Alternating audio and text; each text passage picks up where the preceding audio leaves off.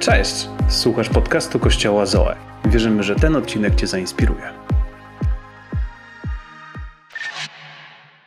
Kto z Was nie mógł doczekać się niedzieli? Halleluja. Super, super. Wierzę, że, że niedziela to jest najlepszy dzień tygodnia, ponieważ Bóg coś robi wtedy. Bóg umacnia nas, posila nas, przygotowuje nas na coś nowego, coś świeżego. I życie z Bogiem jest taką nieustanną przygodą gdzie możesz spodziewać się ponadnaturalnych rzeczy, możesz spodziewać się cudów, przełomów każdego dnia. To nie jest takie nudne życie, wiecie, że tak powiem, przysłowiowego Kowalskiego, kiedy każdy dzień tygodnia przez 40 lat wygląda tak samo, ale kiedy ufasz Bogu i, i polegasz na Bogu, możesz spodziewać się cudów każdego dnia. Halleluja. Halleluja. Amen? Amen. Niedawno, niedawno razem z moim szwagrem, z Maćkiem, kto z was zna Maćka? To jest dobry szwagier. Cały czas szuka żony, jakbyście nie wiedzieli. To jest dobry szwagier, więc pomagał mi zbudować instalację fotowoltaiczną na, na moim dachu. I wiecie, w pewnym momencie czegoś zabrakło nam, więc ja stwierdziłem, że muszę pojechać do sklepu specjalistycznego, gdzie kupuje się różnego rodzaju części do tej instalacji. I wiecie, pojechałem do tego sklepu i, i byłem tam już czwarty raz, więc właściciel tego sklepu już mnie kojarzył. Już się do mnie uśmiechał, już mi machał ręką tam za lady i cieszył się, że przyszedłem do jego sklepu kolejny raz. Wiecie, więc ja stwierdziłem, że skoro już się znamy tak dobrze, cztery razy się widzieliśmy w swoim w naszym życiu, to jest dobry moment, aby, aby powiedzieć mu coś o Bogu. Amen? To jest dobry moment, aby zasiać jakieś ziarno wiary, ziarno tego, że Bóg jest dobry, że Bóg ma plan dla tego człowieka. Gdzie tak pomyślałem, że to jest coś, co powinno być zupełnie naturalne dla nas Kościele. To, że dzielimy się Ewangelią, to powinno być zupełnie naturalne dla każdego wierzącego, bez względu na to, gdzie jesteś, bez względu na to, kiedy jesteś, w jakich okolicznościach. To powinno być takie świadome, że każdą rozmowę, którą mamy, tak, mówię to bardzo świadomie teraz i słuchajcie, to powinno być świadome dla każdego z nas, że każdą rozmowę, którą mamy z ludźmi niewierzącymi, wierzącymi też kierujemy zawsze na Jezusa. Amen? Amen? Mogę żyć amen? Każdą rozmowę kierujemy na Jezusa, ponieważ Bóg chce coś zrobić w życiu każdego człowieka i my jesteśmy narzędziem Bożym tam, gdzie On nas posyła każdego dnia. Nawet w sklepie, kiedy kupujemy jakąś część.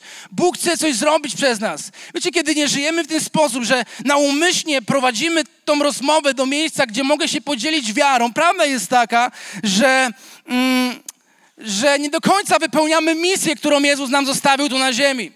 Nie do końca ją wypełniamy, ponieważ Jezus, kiedy odchodził i, i mówił do swoich uczniów, wtedy tylko dwunastu ich żyło. Dzisiaj żyje trochę więcej tysięcy, milionów uczniów Jezusa, ale wtedy było ich dwunastu, którzy byli z Jezusem. Powiedział im jedną bardzo ważną rzecz, którą później powtarzali i nam, abyśmy o tym pamiętali, że mamy iść do najdalszych zakątków świata, tak? To jest ten fragment z Ewangelii Marka, 15, 15 werset. Idźcie do najdalszych zakątków świata i głoście tam dobrą nowinę wszystkim bez wyjątku.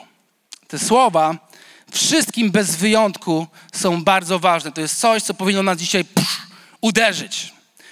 Że Bóg chce, abyśmy szli wszędzie tam, gdzie jesteśmy, abyśmy głosili wszystkim bez wyjątku. Cztery wersety dalej czytamy, że uczniowie, oni natomiast odeszli i wszędzie głosili dobrą nowinę. Co znaczy wszędzie? Wszędzie to znaczy wszędzie. Wszędzie to znaczy w każdym miejscu. Wszędzie to znaczy w każdym czasie. Wszędzie to znaczy w każdej okoliczności, w każdej sytuacji. A więc co zrobili uczniowie? Oni głosili wszędzie, a więc u fryzjera też głosili. Jak byli u lekarza i pytali się, co im doskwiera, albo brali jakąś receptę, też głosili Ewangelię, że mówią, że Jezus jest lekarzem, że oni tak wierzą, że Bóg ich uzdrowi. I kiedy byli w sklepie specjalistycznym, też głosili Ewangelię. Tu jest napisane, że co robili? Głosili wszędzie. Czy to jest jakiś znak dla nas, że powinniśmy być może troszkę przemienić swój styl życia i mieć tą świadomość, że ciąży na nas, że jest na nas obowiązek głoszenia Ewangelii, ale nie o tym chciałem dzisiaj mówić. Chciałem mówić o tym, że byłem wtedy w tym sklepie I zacząłem mówić temu człowiekowi o, o Jezusie, zacząłem dzielić się z nim wiarą. Wiecie, bardzo łatwo jest zejść z jakiegoś tematu, kiedy ktoś narzeka na polityków, narzeka na coś innego, na, na, na wysokie podatki. Bardzo łatwo jest zejść i skierować ludzi na, na, na, na, na wiarę w Boga i na Jezusa. Wystarczy, że powiesz, wiem, że jest trudno, wiem, że jest ciężko, ale ja wierzę, ja wierzę, że Bóg może zrobić wszystko i koniec. To jest bardzo proste. Wystarczy, że powiesz, ja wierzę, że Bóg może zrobić wszystko i wtedy możesz podzielić się swoją historią. I wierzę, że nasza historia ma moc. Nasza historia nie ma mocy, kiedy nie jest powtarzana, kiedy nie jest mówiona, ale nasza historia ma moc, kiedy jest wypowiedziana. Jesteś człowiekiem, który dzieli się swoją historią i swoją wiarą. I Bóg wtedy może zrobić wow, niesamowite rzeczy kiedy jesteś na tyle odważny i ufasz Bogu, że On jest z Tobą w każdej sytuacji i Ty wszędzie i zawsze dzielisz się Ewangelią. Więc kiedy powiedziałem temu człowiekowi to, on powiedział, że on jest ateistą i tak naprawdę on nie wierzy w Boga. Nie wierzy w to, że Bóg istnieje, że, że Bóg jest, że On stworzył cały świat. Ale dodał takie dwa słowa, powiedział, ale nawet gdyby Bóg istniał, czyli tak naprawdę nie do końca jest ateistą, ponieważ nie do końca wierzy w swoje wierzenia, więc dziś zakłada jakiś procent, że może Bóg istnieje, ale nawet gdyby Bóg istniał, to on nie do końca jest zainteresowany naszym życiem. On nie do końca jest zainteresowany tym, aby dobrze mi się powodziło. On nie do końca jest zainteresowany, tak naprawdę on powiedział, on nie jest zainteresowany tym, abym był zdrowy, abym miał, miał fajną rodzinę, abym miał fajny, fajny, dobry biznes, abym zarabiał dobre, dobre pieniądze. Wiecie, i, i ja zrozumiałem, że, że ludzie mają taki obraz Boga w tym kraju. To jest obraz ludzi w tym kraju.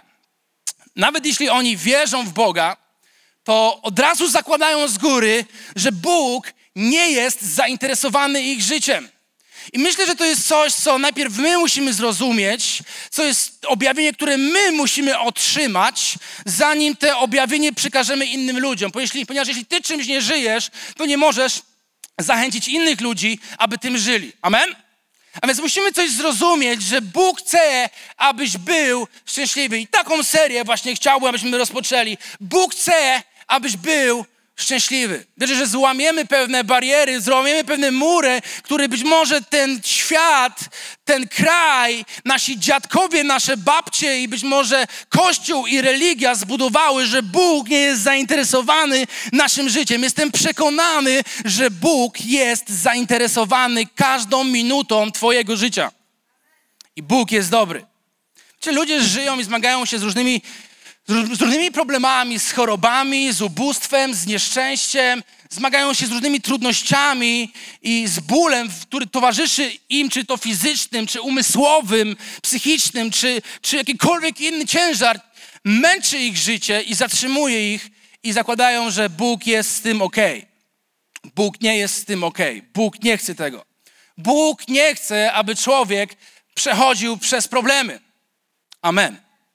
Bóg nie chce, aby człowiek chorował. Amen. Bóg nie chce, aby człowiek, człowiekowi, mi i tobie nie starczało złotówek do końca miesiąca. Amen. Bóg chce, aby cię dobrze wiodło. Amen. Mogę słyszeć jakiś amen? Amen pełny wiary?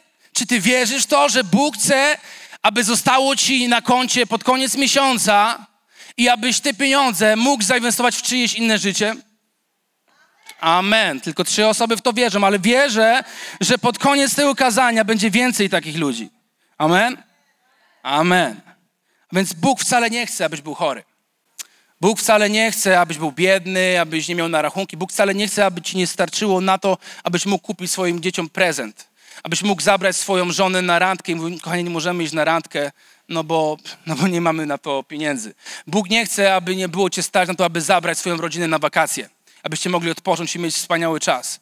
Bóg tego chce, abyś miał na wszystko abyś był zdrowy i abyś cieszył się życiem.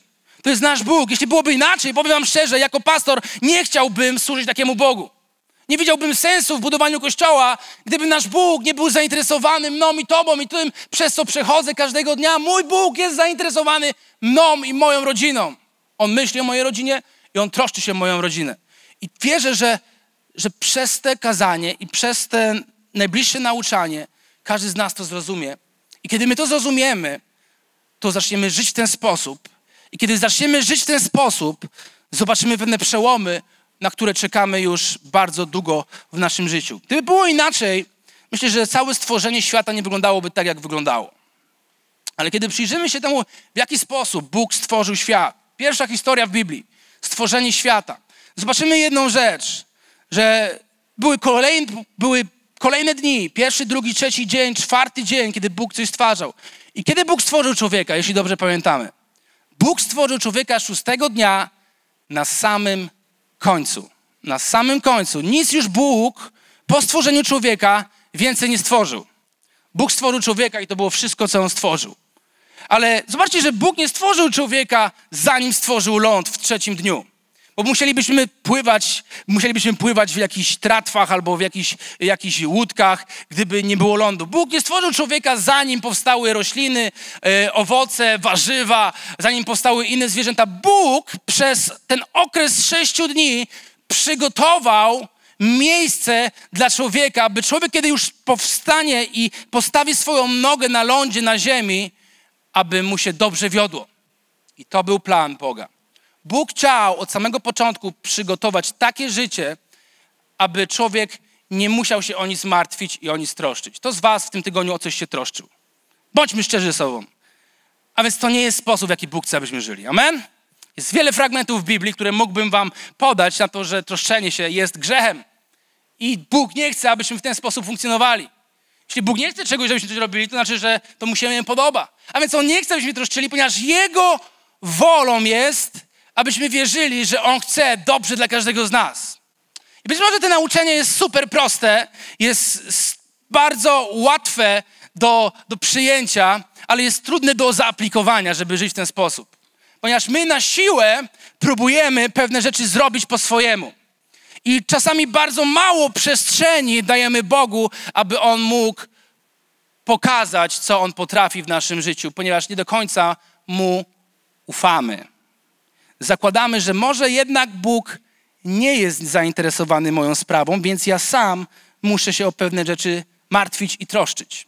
To do tego prowadzi. Jeśli się troszczysz i martwisz, pokazujesz Bogu, Boże, ja nie do końca Ci ufam. Zakładam, że mogłeś pojechać na wakacje. Zakładam, że może jednak nie jesteś zainteresowany. Jeśli się troszczymy, to to pokazujemy Bogu, że my w to nie wierzymy.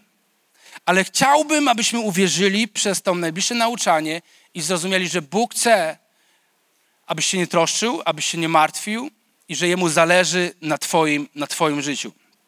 Wierzę, że będziemy mogli zburzyć pewne pewne warownie, które zbudowaliśmy przez być może 20, 30, niektórzy przez 60 lat w swoich głowach na temat, na temat Boga. Bóg i zarówno w Starym Testamencie i w Nowym Testamencie pokazuje nam jedną rzecz, że człowiek jest głową. Człowiek nie jest ogonem, człowiek nie jest żadną szyją, ale Bóg dał człowiekowi władzę nad stworzeniem, nad wszelkim stworzeniem. Nie tylko nad psem i nad kotem, ale nad wszelkim stworzeniem. To znaczy, że nad każdą zwierzchnością, nad każdą mocą, nad każdym demonem i nad każdym diabłem. To jest to, co zrobił nasz Bóg. Dał nam autorytet. Od ogrodu Eden aż do momentu, kiedy Jezus umarł na krzyżu, czytamy fragment Ewangelia Łukasza, 10 rozdział, 19 werset. Oto obdarzyłem was władzą. Co znaczy władza? Kto z was chciałby mieć władzę? Chcę wam powiedzieć, każdy z was ma władzę. Macie potężną władzę w sobie. Tak potężną władzę, której świat nie widział. Macie władzę nad, do deptania węży i skorpionów oraz wszelkiej mocy nieprzyjaciela i na pewno nic wam nie zaszkodzi. Co wam zaszkodzi? Nic. Ale kiedy to się wydarzy? Kiedy chrześcijanie wezmą to słowo i zrozumieją, że to jest coś, co Bóg chce, aby zostało zaaplikowane, wydarzyło się w ich życiu że zrozumiesz, że masz władzę. Nie musisz się godzić na pewne okoliczności, na pewne rzeczy, które wróg, diabeł, szatan próbuje zrobić w Twoim życiu, ponieważ Ty masz władzę. Każdy z nas otrzymał, jeśli uwierzyłeś w to, co wydarzyło się na krzyżu, jeśli uwierzyłeś, że, że Jezus umarł na krzyżu Golgoty i zmartwychwstał, razem z tym, z tą wiarą w zbawienie, otrzymałeś władzę, autorytet nad wszelką zwierzchnością, która jest we wszechświecie. Zostaliśmy zbawieni od grzechu, zostaliśmy zbawieni od śmierci, nie tylko od tej śmierci tutaj cielesnej, że nasze ciało kiedyś umrze, ale od śmierci duchowej, że będziemy wiecznie oddzieleni od Boga. Więc zostaliśmy zbawieni od tej śmierci duchowej, że kiedyś, kiedy umrze twoje ciało, ty będziesz oddzielony od Boga. Nie, będziesz razem z Bogiem. Kiedy uwierzyłeś, zostałeś do tego zbawiony, aby być po śmierci razem z Bogiem. Ale również zostaliśmy zbawieni do władzy tutaj na ziemi, nie w niebie, kiedy umrzemy. Nie potrzebujemy wtedy władzy, bo wtedy nie będzie bólu, nie będzie smutku, nie będzie głodu, nie będzie niepokoju. Zostaliśmy zbawieni do władzy tutaj na ziemi. Amen. Halleluja. Bóg chce coś zrobić przez nasze życie. Bóg chce coś zrobić w Twoim życiu i Bóg chce uwolnić pewną moc, która jest w chrześcijanach, która jest w naszym życiu. Wiecie, już kiedyś dzieliłem się takim historią pewnego człowieka, który, który, który ma 220, nazywa się Stefan Thomas, ma 220 milionów dolarów w bitcoinach na swoim koncie. Pamiętacie, mówiłem kiedyś o tym.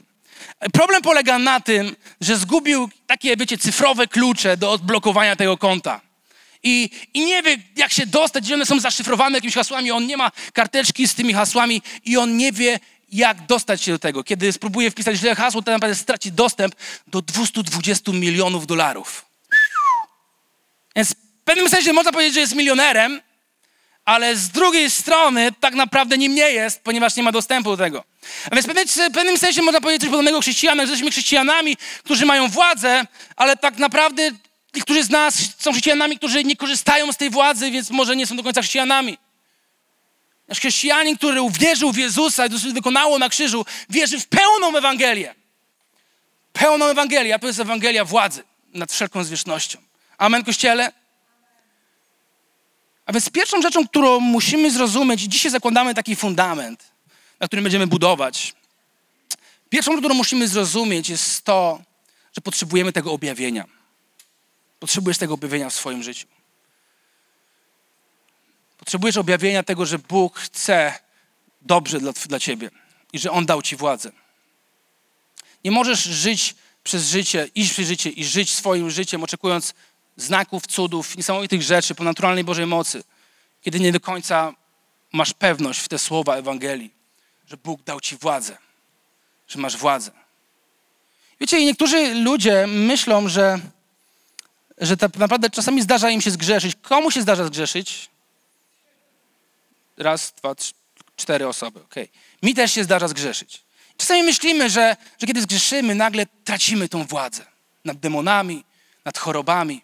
Ale to nie jest prawda. Ponieważ dwa tysiące lat temu Jezus zbawił od, od każdego grzechu. I również od tego grzechu, który dokonasz w przyszłości. Ponieważ w nas jest ludzka, grzeszna natura. Sprawia, że, że ten ludzki człowiek, nasze ciało jest skore do grzechu. I być może jeszcze nie raz zgrzeszymy w swoim życiu. Ale chcę wam powiedzieć, że to, że zgrzeszysz, nie pozbawia ciebie zbawienia. Jeśli trwasz w grzechu, odwróciłeś się od Jezusa, porzuciłeś swoją drogę, ok, to może pozbawić ciebie zbawienia. Ale jeśli uwierzyłeś i wierzysz w Jezusa, że On złamał moc grzechu i chcesz, go, chcesz żyć swoim życiem, naśladując Go i służąc Mu, ty dalej masz pewność zbawienia i dalej masz pewność tej władzy, która jest nad twoim życiem. Bóg wcale tego nie anuluje, anuluje w twoim życiu. Wiecie, nigdzie w Nowym Testamencie, kiedy, kiedy czytamy Nowy Testament, nie zobaczymy momentu, że, że Jezus odmówił komuś uzdrowienia. Przyszedł jakiś ślepiec do Niego albo jakiś chromy i powiedział, Panie, potrzebuję uzdrowienia, chciałbym być zdrowy. A on powiedział, nie, nie, nie, nie, Ciebie nie mogę uzdrowić. Dla Ciebie, mm, dla Ciebie jeszcze nie czas. Nie, za każdym razem, kiedy ktoś z potrzebą przychodzi do Jezusa, za każdym razem on doświadczał pomocy od Jezusa. To jest niesamowite. A więc, czy coś się zmieniło na przestrzeni dwóch tysięcy lat? Czy, czy nagle Jezus przestał odpowiadać na nasze potrzeby? Czy on zmienił zdanie? Nie, ale coś, charakteryzowało tych ludzi, którzy przychodzili do Jezusa. Oni mieli objawienie tego, że Jezus ma moc uzdrowić każdą chorobę i odmienić ich los. To było to, czego oni doświadczali, czym oni żyli, co oni wiedzieli. Że kiedy ja pojawię się tylko u Jezusa, On ma moc to zmienić. Druga rzecz, którą widzimy, to widzimy to, że, Bóg za, że Jezus za każdym razem chciał czyjegoś szczęścia. Chciał zmiany w czyimś życiu. To nam pokazuje, że jeżeli będziemy połączymy nasze objawienie i połączymy to, że Bóg jest dobry, zobaczymy przełomy w swoim życiu. Zobaczymy rzeczy, których być może do tej pory jeszcze nie, nie widziałeś, ale niektórzy zapytają, ok, w takim razie dlaczego jest tak wiele chorób na świecie, są wojny, i jest głód, i są problemy, i depresja, i, i rak, i smutek, i, i, i ludzie nienawidzą siebie, i są źli dla siebie. Prawda jest taka, że jest jeden, jedna odpowiedź na to pytanie. Diabeł, szatan. Poza tym, że Bóg jest i Bóg jest dobry i Bóg chce dla nas dobrze. Jest jeszcze wróg, diabeł, szatan, o którym Biblia mówi, że jest złodziejem. Biblia mówi, że przed kraść, zarzynać i wytracać. My co on chce zrobić? On chce ciebie okraść. On chce okraść ciebie ze zdrowia. On chce okraść ciebie z tego, że będziesz się dobrze czuł fizycznie. Twoje ciało będzie silne, będzie rzeźkie i będziesz niezmęczony. On chce okraść ciebie z radości. On chce okraść ciebie z pieniędzy. On chce okraść ciebie z, z radości, ze szczęścia, z pokoju. Chce ciebie też okraść. Chce okraść ciebie z miłości, z relacji z innymi ludźmi, z relacji z twoją żoną, z twoim mężem, relacji z dziećmi. On będzie posyłał różne rzeczy, aby okraść. Wiecie, jakiś czas temu, jakiś czas temu mój syn Dawid chciał, abyśmy zagrali w piłkę. To było wiosną i, i ja powiedziałem, okej okay, synu, to idziemy zagrać w piłkę i poszliśmy i trzy metry przebiegłem i moje kolana tak nie bolały, że nie byłem w stanie biegać dalej. Nie, nie mogłem kopać piłki i chciałem kopnąć piłkę, czułem jak coś mi się tu przestawia w tych kolanach. Wiecie, i, i poszedłem do lekarza, żeby sprawdzić, co się dzieje w tych kolanach, ponieważ stwierdziłem, nie chcę, aby, aby wróg, diabeł, szatan okradał mnie. Nie chcę, aby okradał mnie z czasu z moim synem. Nie chcę, aby okradał mnie, mojego syna, z czasu ze mną. Nie chcę, aby okradał mnie z naszej radości, którą mamy razem. Z tego szczęścia, że Bóg dał mi dziecko. Ja nie chcę być ojcem, który jeździ na wózku i nie może pobiegać ze swoim synem i zagrać w piłkę. To nie jest to, co Bóg zaplanował dla mnie. Poszedłem do lekarza, żeby zobaczyć, co się dzieje. On zrobił USG i powiedział, wie pan, no, poślemy pana do jakiegoś fizjoterapeuty, zrobi pan jakieś ćwiczenia, a jak te ćwiczenia nie pomogą, to zrobimy panu operację. A ja mówię, a, a, nie będę pozwalał się kroić, ponieważ ja wierzę, że Bóg nie chce, aby wróg mnie okradał ze szczęścia i tym samym, aby cokolwiek mi bolało. Więc zacząłem się modlić, ale nie zacząłem się modlić, wiecie, w sposób taki, Panie, proszę Cię, proszę Cię, abyś mnie uzdrowił, abyś uzdrowił moje kolana abym mógł biegać z Dawidem i Zakiem, abyśmy mogli jeździć na rowerach. Panie, proszę Cię, widzisz, że ja potrzebuję jeździć z nimi. Bóg dobrze wie, że Ty potrzebujesz swoimi dziećmi spędzać czas. Nie potrzebujesz Mu o tym mówić. On o tym wie. On o tym wie, że potrzebujesz podwyżki, on o tym wie, że potrzebujesz przełomów finansowych w swoim życiu, że potrzebujesz zapłacić za rachunki i za inne rzeczy. On o tym wie, że potrzebujesz nowy samochód, bo twój się psuje. On o tym wie. Więc gdzie jest problem? Problem jest tym, że my mamy ubzdurane w swojej głowie, że my musimy Boga udobruchać, uprosić i musimy wystarczająco dużo razy przyjść do kościoła i musimy wystarczająco dużo dobrych uczynków zrobić w ciągu tygodnia, żeby może jednak przekonać Boga. Ale to nie jest to, co Bóg chce zrobić w naszym życiu. To jest religia. To jest religia, to jest religia, którą stworzył człowiek, myśląc, że możemy udobruchać Boga i sprawić, że On spojrzy na nasze życie przychylnie. To nie jest to, jaki jest mój Bóg. On chce dobrze dla mnie. Więc zacząłem się modlić, mówiąc do tych kolanów, kolana macie być zdrowe w imieniu Jezus. Bólu masz odejść precz, ponieważ to nie jest Bożą wolą dla mnie i dla mojej rodziny, abym chodził o kulach na przykład. Wiecie, i w tym tygodniu biegałem i grałem z chłopakami w piłkę i czuję się zupełnie dobrze. I nie robiłem żadnych ćwiczeń i nie byłem na żadnej operacji. Ponieważ ja wierzę, że Bóg jest dobrym Bogiem i że jest moc w imieniu Jezus. Amen? To też nie znacza, w drugą stronę, żebyśmy nie popadli w jakąś drugostronną, odwrotną paranoję i pomyśleli, że teraz my jako chrześcijanie nie będziemy mieli problemów. Nie, nie, nie. Biblia mówi w Psalm 23, że będziemy przechodzić przez ciemne doliny, chociaż, choćbym przed ciemną doliną. Natomiast to znaczy, że te ciemne doliny, te trudności, problemy finansowe, te momenty, kiedy wróg próbuje coś ukraść, bo on cały czas jest, on chodzi jak lew ryczący, on próbuje okraść ciebie z różnych rzeczy. Więc te momenty mogą być na różnych etapach twojego życia. Na jednym etapie będzie chciał cię okraść z czasu i ty na nic nie będziesz miał czasu. Kto z was tak czuje, że jest okradany z czasu? Jest taka jakaś osoba, nie mam na nic czasu, bo oglądam seriale.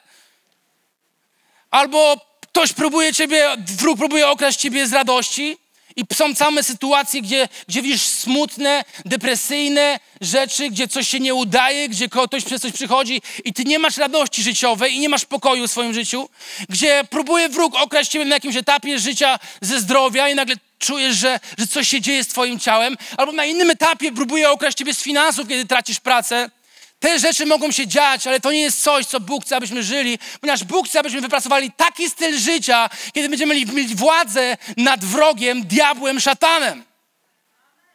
Amen? Więc pewne sytuacje trudne mogą się pojawić w Twoim życiu. Ale wtedy chrześcijanie muszą wiedzieć, że Bóg chce dla nich dobrze. Że to nie jest od Boga. Że żadna choroba, żaden ból, żaden smutek, żadne cierpienie nie jest od Boga. Jeśli takie rzeczy się pojawiają w Twoim życiu, Ty musisz nauczyć się powiedzieć temu stop w imieniu Jezus. Nie zgadzam się na to. Mój Bóg jest dobrym Bogiem i On chce dla mnie i dla mojej rodziny dobrze. Wiecie, więc jeśli modlimy się o pewne rzeczy, być może modlisz się o coś już dwa, trzy lata, albo pięć, albo dziesięć lat, albo nawet dwadzieścia lat, modlisz się o coś i nie widzisz zmiany w tym, może to jest znak, że źle się modlisz. Może to jest znak, że musisz coś zmienić w swoim duchowym. I może być, możesz być wierzący 30 lat. Ja dalej wszystkiego nie wiem. Ja dalej nie wiem wszystkiego o Bogu i o tym, jak Bóg działa. Dalej nie wiem wszystkiego, jak, jak pewne rzeczy mają się wydarzyć w moim życiu. Ale za każdym razem, kiedy polegam na imieniu Jezus, przestaję polegać na sobie i ufam mojemu Bogu, i ufam, duch, ufam Duchowi Świętemu i na nim polegam, widzę, że Bóg się tego przyznaje. I On działa ze mną, razem ze mną. Ponieważ Bóg działa razem z Tobą. On chce działać przez Ciebie w Twoim życiu. Więc może musimy przestać się modlić. Boże, proszę Cię, uzdrów mnie. Widzisz, że jestem chory, że źle się czuję.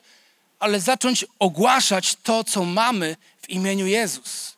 I zacząć żyć tym i nie zgadzać się na pewne diabelskie rzeczy, które próbują być w Twoim być może kręgosłupie, albo w Twoich jelitach, albo w Twoim żołądku, albo w Twoim portfelu. Amen? Halleluja. Kiedy możesz się modlić, Boże, modlę się o, o uzdrowienie, ale wiecie co wtedy Jezus mówi? Ja już to zrobiłem. Ja już to zrobiłem. Ja już to zrobiłem dwa tysiące lat temu na krzyżu Golgoty. Teraz potrzebujesz w to uwierzyć. Teraz potrzebujesz zacząć żyć w taki sposób, aby to, co wydarzyło się dwa tysiące lat temu, przybiegło bu, bu, bu, do Twojego życia, do Twojego ciała i zamanifestowało się teraz w sierpniu w Twoim ciele.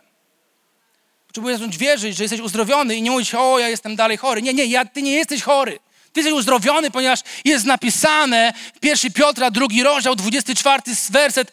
On sam w swoim ciele zaniósł nasze grzechy na krzyż, abyśmy martwi dla grzechów, jacy martwi dla grzechów, żyli dla sprawiedliwości. Anulował Twoje grzechy. Nie ma Ciebie dla grzechów. Jego sińcami, druga rzecz, zostaliśmy uzdrowieni, uleczeni. Są dwie rzeczy, które wydarzyły się na krzyżu. Pierwsza rzecz, według tego fragmentu mówimy, jest to, że grzech przestał istnieć dla nas, kiedy wierzysz w śmierć i zmartwychwstanie. A druga rzecz, wydarzyło się uzdrowienie. Uzdrowienie z wszelkiej choroby. Uzdrowienie z wszelkiej zwierzchności. I przyszło błogosławieństwo Boże Twojego życia. Spoczęła na Twoim życiu Boża obecność, ponieważ moment, kiedy Jezus umarł, pamiętacie, to był moment, kiedy zasłona w świątyni, która oddzielała obecność Bożą od człowieka, który był grzeszny, została rozdarta. To był symbol i Bóg nam w ten sposób chciał pokazać, że Bóg wyszedł do człowieka. On wyszedł z tego miejsca najświętszego do ciebie i do mnie, pojednał nas. A więc Boża obecność, która jest doskonała, jest wystarczająca we wszystkim, również w finansach, dotknęła mojego i twojego życia. Jeśli wierzymy w to, to tak powinniśmy żyć. Problem polega na tym, że niektórzy chrześcijanie wierzą tylko w połowę tego, co się wydarzyło na krzyżu. Tylko taką połowę Ewangelii, jedną drugą. Wierzą w to, że, że Jezus umarł za ich grzechy i przebaczył ich grzechy. Ale jeśli chodzi o uzdrowienie, to jeśli Bóg chce, abym był uzdrowiony, to będę uzdrowiony. Spotkaliście się z takim myśleniem? Jeśli Bóg chce, aby to już mi nie bolało, nie wiem, jakaś zgaga albo inne rzeczy, w żołądku, w jelitach, to Bóg mnie uzdrowi. Ale to jest niebiblijne, ponieważ Bóg chce, abyś był zdrowy. Ten fragment mówi, że Bóg chce, abyś był zdrowy, ponieważ zabrał każdą chorobę na krzyż i zwyciężył jej moc. A więc niektórzy chrześcijanie wierzą tylko w to, co jest trudne do udowodnienia. Ale już to, co jest łatwe, to już nie. Ponieważ trudne jest do udowodnienia zbawienie. Ktoś z was potrafi udowodnić zbawienie? Ja nie potrafię. Ponieważ zbawienie jest z wiary, ja tylko w to wierzę. Ale nie mam żadnej, wiecie, kontrolki nad moim głową, że nagle zapala, o, ten już jest zbawiony. Nie mam jakiegoś paszportu, który nagle przychodzi do mnie pocztą, że zostałem zbawiony. Nie mam. W to jest nam troszkę łatwiej uwierzyć. Ale w to, że zostałem uzdrowiony w momencie, kiedy Jezus umarł na krzyżu i zniszczył moc choroby nad moim życiem, to już nie, bo to już musiałbym udowodnić wynikami, testami, badaniami i musiałbym komuś pokazać, hej, zostałem uzdrowiony. Chcę, abyśmy zaczęli żyć w inny sposób. I za tak samo jak wierzymy w zbawienie, abyśmy nauczyli się wyznawać, że tego dnia, w tym momencie, kiedy Jezus umarł na krzyżu, zniszczył moc choroby. Zniszczył moc choroby nad Twoim życiem. Amen, Kościele? Bóg chce, abyś był zdrowy. Bóg chce, aby Twoje życie wyglądało w taki sposób, że będziesz powiedzieć: Jestem szczęśliwym człowiekiem i niczego mi nie brakuje. To jest to, jak Bóg patrzy na, na, twoje, na Twoje życie. To jest wszystko to, co mamy w zbawieniu. To jest wszystko to, co Bóg nam dał w momencie, kiedy Jezus zmartwychwstał. Jesteśmy zbawieni od grzechów, ale jesteśmy też zbawieni, uratowani. Zbawienie oznacza uratowanie od wszelkiej choroby, od depresji, od smutku, od wszelkich problemów finansowych, od tego, że diabeł, szatan będzie próbował okraść ciebie z czegokolwiek, okraść twoją rodzinę. Kiedy Jezus umarł, on powiedział, że to się wykonało. A więc to jest zrobione i nic więcej już nie potrzebujemy. Nie potrzebujemy, nie potrzebujemy modlić się, Boże, Boże, proszę Cię, uzdrów mnie. Boże, Boże, proszę Cię, przyjdź. Widzisz, jaki jestem biedny i nie starcza mi na rachunki za prąd. Ześlij mi jakieś pieniądze z nieba, Boże, Boże. On już mówi, ja już to zrobiłem. Wiecie, Filipian 4 rozdział, 19 werset mówi, a mój Bóg w pełni zaspokoi każdą, powiedzcie głośno, każdą każdą waszą potrzebę według swojego bogactwa chwalę w Chrystusie Jezusie. W kim? Z jakiego powodu to się wzięło? Zaspokojenie tych naszych potrzeb. Z powodu Chrystusa Jezusa. Z powodu tego, co dokonało się na krzyżu. On zaspokoi każdą waszą potrzebę. Każdy z nas ma jakieś potrzeby, ale w Jezusie Chrystusie jest zaspokojenie. Kiedy zaczynasz żyć tym, kiedy zaczynasz żyć tym objawieniem, wow, ja już nie muszę się martwić. Wow, ja nie zgadzam się na choroby, ponieważ to już się wydarzyło. I będę teraz ogłaszał, że jestem zdrowy. Okej, okay, może tego jeszcze nie widać w moim ciele, może jeszcze ten guz nie zszedł z mojego ciała, może jeszcze, jeszcze miewam jakieś problemy z kolanem, czasami mnie zaboli, ale ja jestem uzdrowiony dwa tysiące lat temu, ja się nie zgadzam na to i mówię, aby to odeszło z mojego życia. Może jeszcze nie starcza mi do końca miesiąca na, na opłacenie rachunków, ale nie, nie, nie. Dzięki Bogu dzięki Jezusowi Bóg zaspokoi każdą potrzebę i ja ogłaszam, aby to się wymieni, wydarzyło w moim życiu. Ogłaszam, aby to się wydarzyło w moim życiu. I zaczynam oczekiwać tego. Zaczynam żyć w ten sposób. Wiecie, Bóg nie jest świętym Mikołajem. Zwróciliście uwagę na to, że on nie jest świętym Mikołajem i on nie rozdaje prezentów tak jak święty Mikołaj rozdaje, że możesz się spodziewać 24 grudnia i możesz się spodziewać prezentu pod choinką albo jakiegoś, w jakiejś skarpecie jakiegoś prezentu. To tak nie działa. To nie działa tak, jak my sobie to wymyśliliśmy być może. Gdzie pamiętam, kiedy, kiedy przeprowadziliśmy się tutaj do Warszawy, to był 2012 rok, czerwiec. Wszystko, co mieliśmy, to mieliśmy 2000 zł na czynsz, na, na kaucję za mieszkanie, 2000 zł na, na, na czynsz za, mieszka, za mieszkanie i około 900 zł na jedzenie. I to było wszystko, co mieliśmy z naszych oszczędności. To był cały nasz majątek. Zmieściliśmy się w jeden, w jeden samochód, w jednego furgo, jedną furgonetkę Forda Transita. To było wszystko, co mamy. To było wszystko, co Bóg do tej pory dał nam. To nie było zbyt dużo, uwierzcie mi. Ale naszym marzeniem w tamtym czasie, naszym marzeniem było to, aby mieć swój własny dom. Aby mieć swój własny dom. Wiecie, i, i zacząłem się modlić, ale nie zacząłem się modlić o dom. Może gdybym mógł zliczyć wszystkie modlitwy, które w przeciągu kilku lat zaniosłem o dom, to byłoby ich kilkanaście, może kilkadziesiąt, dwadzieścia, trzydzieści modlitw. O to, aby Bóg dał nam dom. Abyśmy mieli swój dom, własny dom, miejsce, do którego wracamy gdzie, gdzie możemy mieszkać. To było naszym marzeniem. Bóg chce, aby nasze marzenia mogły być zrealizowane tutaj na ziemi. Po to nam dał życie, abyśmy mogli też cieszyć się tym życiem. I, I wiecie, i nie modliłem się tak naprawdę o ten dom. Boże, daj mi dom. Boże, modlę się, daj mi działkę, daj mi tą działkę. Niech coś się wydarzy. Widzisz, że mam tylko 2000 złotych, więc daj mi w jakiś cudowny sposób, naturalny, daj mi jakiś dom. Nie, nie modliłem się w ten sposób. Pomodliłem się o to, aby Bóg dał mi pomysł, aby dał mi odwagę i aby dał mi mądrość, w jaki sposób On chce te pieniądze przynieść do mojego życia.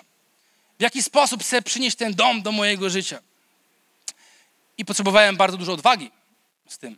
Kiedy tak się modlisz, to ty nie możesz się tylko modlić i, i dalej siedzieć w swoim fotelu, w domu, który wynajmujesz, w mieszkaniu, za który płacisz co miesiąc, ale ty musisz zacząć myśleć.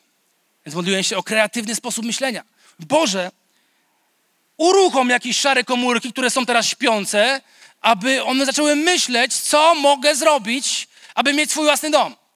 I zacząłem myśleć, a potem musiałem, kiedy zacząłem coś wymyślać, musiałem czymś ryzykować, ponieważ to się wiąże zawsze z ryzykiem. Kiedy chodzisz w wieżę, kiedy wychodzisz z swojej łódki i stajesz nagle na morzu pełnym wody, to się wiąże z czym? Z odwagą. Że musisz być odważny. I, i wiecie, stwierdziłem, ok, zainwestuję swoje półtora tysiąca złotych. Miałem półtora tysiąca złotych, a więc stwierdziłem, że je zainwestuję. I modliłem się, aby Bóg to pobłogosławił. Nie siedziałem i nie czekałem na prezent pod choinką, aż Mikołaj przyjdzie do mnie, ale zacząłem działać. I w przeciągu dwóch lat, dzięki Bożej łasce, tylko i wyłącznie dzięki Bożej łasce i dzięki Bożej dobroci, udało nam się odłożyć pieniądze na działkę pod Warszawą. I to był pierwszy krok, który Bóg zrobił o tego, abyśmy za trzy tygodnie mogli przeprowadzić do tego domu. I dlaczego ja o tym mówię? Mówię wam o tym, ponieważ Bóg jest dobry, ale Bóg oczekuje od nas, że jeżeli, że jeżeli On powiedział coś w swoim słowie, to my zaczniemy ten, żyć w ten sposób, a nie będziemy siedzieć i marudzić i użalać się nad swoim brakiem, ale zaczniemy żyć w konkretny, określony sposób, w jaki mówi Boże Słowo. Wiecie, i my możemy zrobić tutaj nocne czuwania, bo niektórzy być może myślą, że czym więcej się będziemy modlić, to tym więcej Bóg odpowie. Ale to tak nie działa. Pamiętam, jako młody chłopak organizowaliśmy młodzieżowe czuwania nocne. I mówili, hej, przyjdźcie, będziemy się całą noc modlić, uwielbiać Boga. Wiecie, jak się dokończyło, że po dwóch, trzech godzinach większość ludzi szła do domów albo spała pod ścianą. I tak naprawdę nic ponadnaturalnego się nie działo. Wiecie, możemy zrobić coś takiego, że będziemy spotykali się każdego rana o 6 rano, aby się modlić, aby czuwać, aby modlić się o przebudzenie. Ale obawiam się, że to też może zbyt dużo nie zmienić. Teraz ludzie, którzy być może mają religijnego ducha, oni mówią, ale jak to? Ponieważ w jednym z fragmentów Ewangelii Mateusza w szóstym rozdziale, siódmym wersecie Jezus mówi takie słowa, w czasie modlitwy nie powtarzajcie się też jak poganie. Jak często my się powtarzamy, przypominamy Bogu, jakby On miał zapomnieć. I dalej Jezus mówi, oni myślą, że dzięki wielu mówności zostaną wysłuchani. Ale Jezus mówi, to nie jest tak ważne, jak dużo i jak długo się modlisz. Oczywiście Biblia mówi, abyśmy byli wytrwali w modlitwie, abyśmy nasz duch cały czas się modlił, był w połączeniu z Duchem Świętym. Ale to nie ma żadnego znaczenia, jeśli my dalej nic nie będziemy robić w swoim życiu i nie zmienimy pewnych nawyków, które mamy. I nie zaczniemy żyć pełnią wiary, którą Bóg dla nas ma. I pełnią tego, co On przygotował dla nas. Wiecie, nie będziemy musieli modlić się o przebudzenie, kiedy na naszych niedzielnych spotkaniach ślepi będą widzieć, ponieważ chrześcijanie będą wiedzieć, że dwa tysiące lat temu już się wszystko dokonało, więc nie ma potrzeby, aby ślepi dalej byli ślepymi. I uwierzą w tą moc, która jest w nich, ta władza, autorytet nad ślepotą, nad wszelką zwierzchnością diabelską. Amen, Kościele? Wtedy nie będziemy musieli modlić się, aby coś się wydarzyło, jakieś przełomy, ponieważ kiedy ludzie zobaczą, że, że ludzie są uzdrawiani w niedzielę, w Palladium, to tutaj się ciężko będzie dostać. Tu trzeba będzie przyjść o 8 rano, w kolejce stanąć, żeby można było zająć jakieś miejsce. Amen? Ale chrześcijanie muszą żyć w ten sposób, wiedzieć, że jest autorytet dany im. I jest władza. Nie potrzebujesz być 100 lat wierzący, ani kończyć 10 kursów biblijnych i czytać 20 książek. Oczywiście to jest dobre i to buduje Twojego ducha i Twoją wiarę, ale nie potrzebujesz tego, aby położyć rękę na chorą osobę i powiedzieć: bądź uzdrowiona w imieniu Jezus. Ponieważ to się wydarzy raz, kiedy uwierzyłeś w imię, w imię Jezus. Kiedy Piotr i Jan wchodzili do świątyni, pamiętacie ten moment, kiedy wchodzili do świątyni? Oni, zwróćcie uwagę, coś, co mnie bardzo uderzyło. Oni nie modlili się o tego chromego człowieka, który był chromy tam. Oni mówili, Boże, modlimy się, widzisz, że on jest chory, widzisz, że on cierpi, że on nie chodzi, on nie może się poruszać, ciągle go tu przynoszą, widzisz, że on ciężko mu jest. Ty to widzisz i ja teraz modlę się, abyś, abyś uzdrowił tego człowieka. My wierzymy, że... Nie. Nie było tego tam. On powiedział, Piotr, nie mam srebra, nie mam złota, nie mam kasy, aby ci dać, ale mam coś. Mam wiarę w imię Jezus. Oni mieli to objawienie, że na krzyżu Jezus zwyciężył chorobę, sparaliżowanie tego człowieka. Wstań w imieniu Jezus. Wstań w imieniu Jezus i nie odpuścili do momentu, aż nie zobaczyli. Oni wierzyli. Oni nie prosili nawet o to, ponieważ to już się wydarzyło. Biblia mówi, że to już się wydarzyło. Zostałeś uzdrowiony sińcami, ranami dwa tysiące lat temu na krzyżu Golgoty. Amen, Kościele?